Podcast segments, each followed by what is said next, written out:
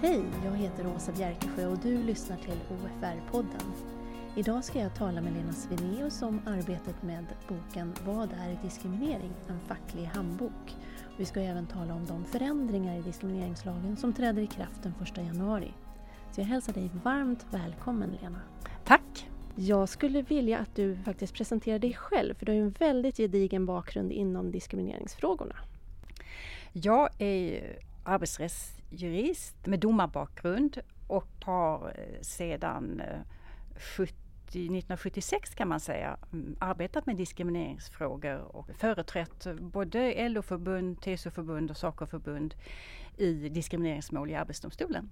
Nu så har du gått över till forskning också. Ja, jag är fortfarande anställd på deltid på Akademikerförbundet SSR där jag under tio års tid var chefsjurist. Det var det senaste jag gjorde innan eh, den här så kallade pensionsåldern inträdde.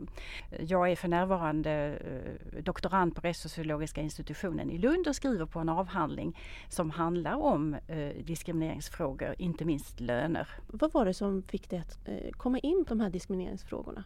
Ja, man kan sett det var två saker. Att det började med att jag tjänstgjorde som sekreterare i Arbetsdomstolen eh, 1976 och 77. Då upptäckte jag att statliga myndigheter, eh, kom en förordning att man skulle börja arbeta med detta. Så jag startade en eh, jämställdhetsgrupp på Arbetsdomstolen och eh, domstolens chef Hans Stark bjöd på prinsesstårta.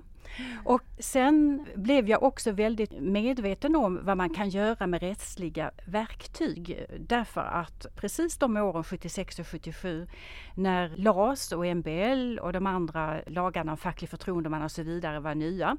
Då fick jag se jurister från LO rättsskydd uppträda i domstolen och deras mycket starka engagemang för att förändra någonting med lagens hjälp, det gjorde intryck på mig så att jag lämnade domarbanan och valde istället att arbeta som ombud och då var jag först på LO rättsskydd i väldigt många år. Från LO kom jag över då till eh, Jämställdhetsombudsmannen när den myndigheten inrättades 1980. Då hade jag tjänsten som ställföreträdande JämO och Inga-Britt Törnell var vår första JämO och vi hade den arbetsfördelningen att jag förde JämOs processer i Arbetsdomstolen.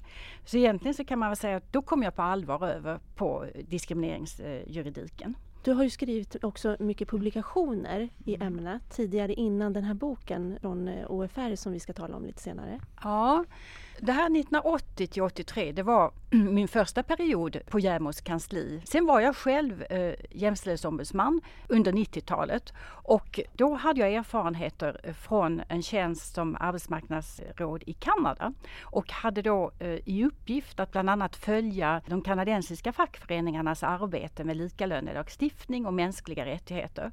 Då blev jag inspirerad av deras eh, handböcker helt enkelt, praktiska och informativa om lagstiftningen om hur man gjorde. Så något av det första när jag började som JämO 1994 det var att sätta igång, se till att det skrevs handböcker. Några skrev jag själv men jag skrev dem naturligtvis också tillsammans med mina medarbetare. Jag tror på det sättet att driva frågor, att man ger den där praktiska informationen till de som kan göra skillnad. Och de som kan göra skillnad det är ju de fackliga förtroendevalda på de olika arbetsplatserna och så naturligtvis ombudsmän och jurister eh, på de centrala kanslierna. Då kommer vi osökt in på Vad är diskriminering? En facklig handbok som har tagits fram av OFR och där du har gjort manus till boken.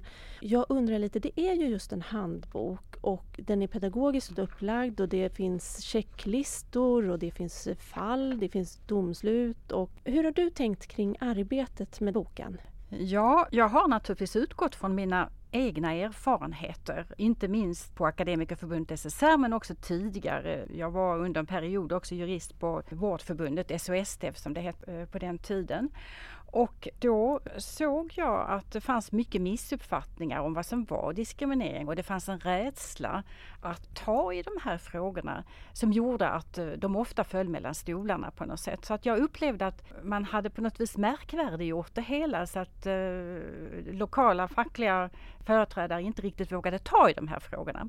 Så därför så ville jag skriva någonting som skulle kunna ingjuta mod i de som på arbetsplatserna ändå kan göra skillnad skillnad. Så det är ju dels mina egna erfarenheter från olika typer av tvister som jag varit inblandad i och där jag har förhandlat och ibland gått till domstol.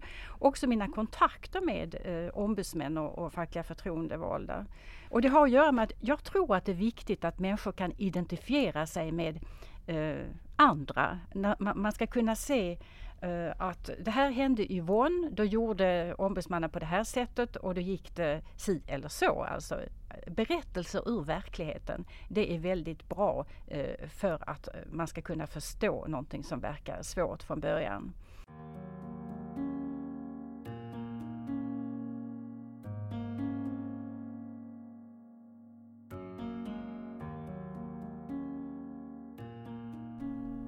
Ska man använda sig av boken i sitt arbete rent praktiskt tycker du? Jag tänker mig ungefär så här att en medlem berättar om sitt problem. Då vill man ha ett råd. Vad gör jag i den här situationen? Då får man leta sig fram i den här handboken genom fliksystemet.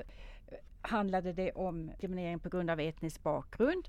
Var det kön? Var det ålder eller någonting? Ja, då kanske man börjar med att titta på diskrimineringsgrunderna, den fliken.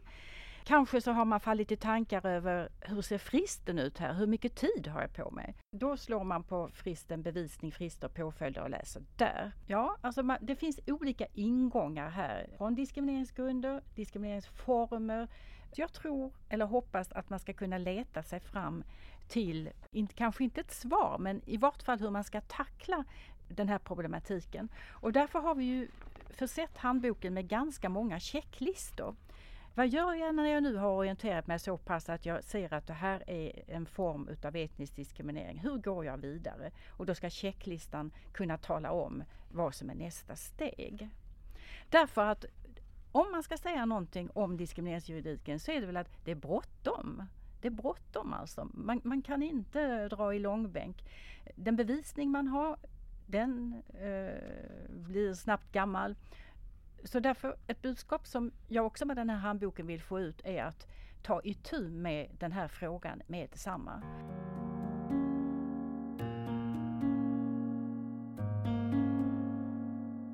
Från och med den 1 januari 2017 så kommer det ju också ytterligare förändringar i diskrimineringslagen. Och vi har ju faktiskt haft ett seminarium precis här på OFR idag där du har medverkat.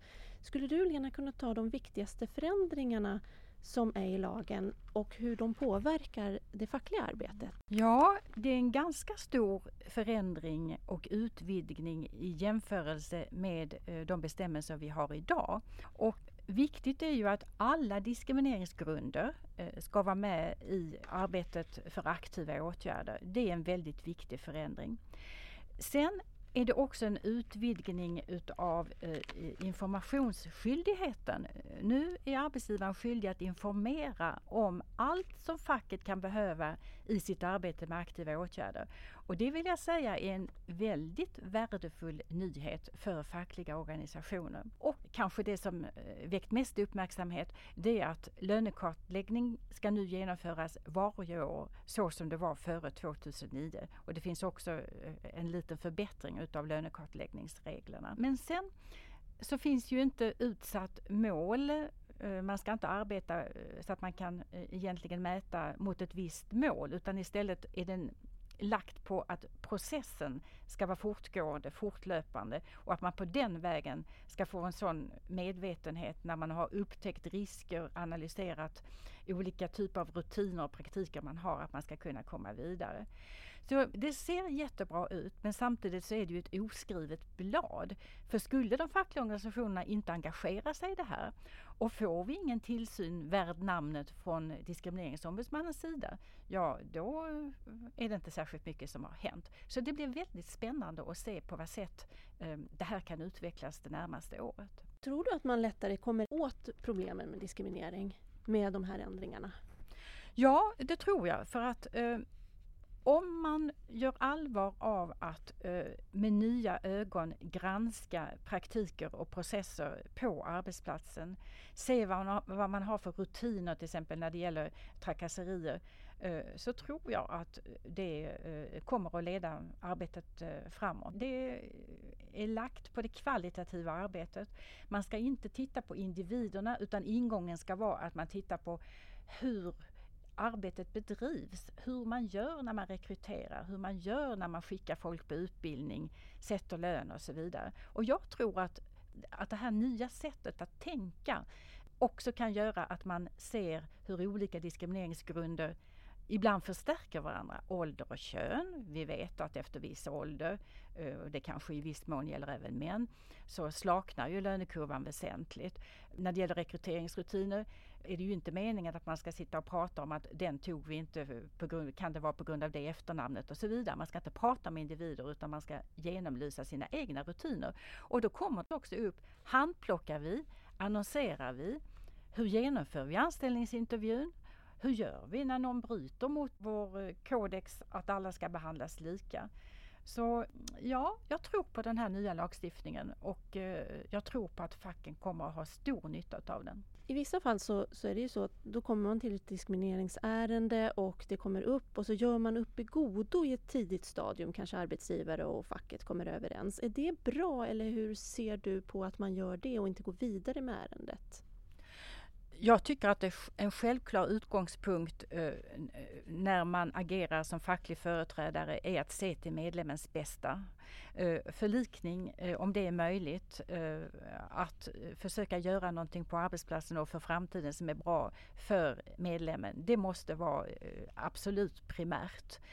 Men det är naturligtvis också viktigt att få fram prejudicerande domar och även prejudicerande beslut i den här nämnden mot diskriminering. Och där eh, tycker jag att det stora ansvaret faktiskt ligger på eh, diskrimineringsombudsmannen. Därför att facket måste ibland också tänka på hur ett viss, en viss dom eller ett visst beslut slår på andra inom organisationen. Man gör den typen av överväganden Eh, vill vi få den här kollektivavtalsbestämmelsen belyst eller tycker vi det är bättre att den inte blir föremål för... Alltså den typen av bedömningar gör ju alltid en facklig organisation innan man bestämmer sig för att ta tvist i, i domstol eller nämnd. Och därför så är det jätteviktigt att diskrimineringsombudsmannen då axlar ansvaret att bedriva en effektiv tillsyn och använda sanktionsmöjligheterna som finns. Och att facket i känsliga fall ska kunna gå till Diskrimineringsombudsmannen och säga att vi vill att ni tittar närmare på det här. Vi vill att ni driver det. Om man tittar tillbaka på 90-talet då, då det ju ändå drevs en hel del diskrimineringsmål också av det besvärliga slaget i Arbetsdomstolen. Så de fall som JämO och även dåvarande ombudsmannen mot etnisk diskriminering drev, det var ju ofta fall som facket hade lämnat över och sagt att vi har inte riktigt resurser eller vi vill hellre att ni gör detta. Och jag är inte säker på att den möjligheten finns idag eh, som tillsynen fungerar på nuvarande DO där det har faktiskt tyvärr nedprioriterats i ganska stor utsträckning. Men det, det finns ju möjlighet heter kanske att det förändras i med den här lagstiftningen. Därför att eh, det betonas ju väldigt starkt, den här nya aktiva åtgärdslagstiftningen som ska träda i kraft 1 januari, Eh, betonas väldigt starkt att här måste det ges råd och vägledning och vem ska göra det om inte DO?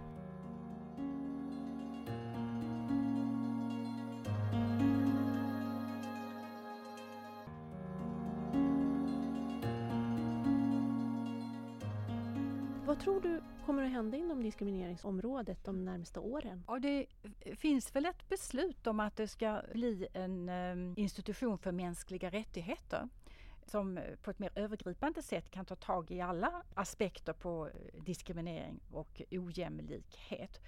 Och den myndigheten ska ju då ligga under riksdagen, är det tänkt. Och sen kommer det den 1 januari 2018 en myndighet som ska jobba med jämställdhetsintegrering. Jag är mindre förtjust i det. Jag tycker det är lite gammaldags att bara driva en diskrimineringsgrund. Jag tror att man ska jobba med eh, intersektionalitet, att se till helheten. För, för, individen är det ju så att det är ju sällan bara en sak. Det är kön och ålder, det är etnicitet och kön, det är funktionsnedsättning, kön och så vidare. Och eh, Ja, alltså det hade varit bättre i så fall tycker jag att inrätta en ombudsman mot eh, diskriminering i arbetslivet. Antingen genom att bryta ut de frågorna från nuvarande DO eller att ordna inom DOs ram någon typ av kollegial styrning där ändå en i chefsposition får ett rejält ansvar för arbetslivets diskrimineringsfrågor. Jag tror att vi behöver en ombudsman mot diskriminering i arbetslivet som kan samarbeta med fackförbund och även arbetsgivare. Nu har vi pratat väldigt mycket om fackförbunden men det finns ju faktiskt en hel del arbetsgivare som är väldigt engagerade i att skapa arbetsplatser som är fria från diskriminering. Det hörs ju att du har mycket driv bakom de här frågorna, ett engagemang som verkligen väcker det även hos åhörarna. Och jag undrar, vad är det som driver dig i de här frågorna? Ja, det är väl att jag som praktiserande jurist har velat göra skillnad helt enkelt. Jag har velat använda de rättsliga verktygen för att göra skillnad. Och vad ger du för råd för de som nu brinner för de här frågorna? Jag vill väl säga till de som har den här handboken vi har pratat om i sin hand att eh, de kan göra skillnad, verkligen om de försöker. Och också ingjuta lite mm, gott självförtroende, för det behöver man när man ska driva de här frågorna. De, våra fackliga företrädare, de kan mycket arbetsrätt, de har många praktiska erfarenheter. Så att de har liksom en god grund att bygga på och så får man då naturligtvis sätta sig in i eh, de nya bestämmelserna om diskriminering. Det gäller ju bristande tillgänglighet, eh, åldersdiskriminering måste man börja intressera sig för. Det är naturligtvis en utmaning men, men är det någon som ska kunna göra skillnad så är det ju fackförbunden. Fackförbunden är kamporganisationer och eh, det måste de fortsätta vara. Tack så jättemycket Lena Svennéus. Tack själv. Vill du ha mer information i ämnet så hittar du den på vår hemsida ofr.se. Tack för att du har lyssnat till OFR-podden. Jag heter Åsa Bjärkesjö och musiken som vi har haft i podden är hämtad från Free Music Archive. Tack och hej!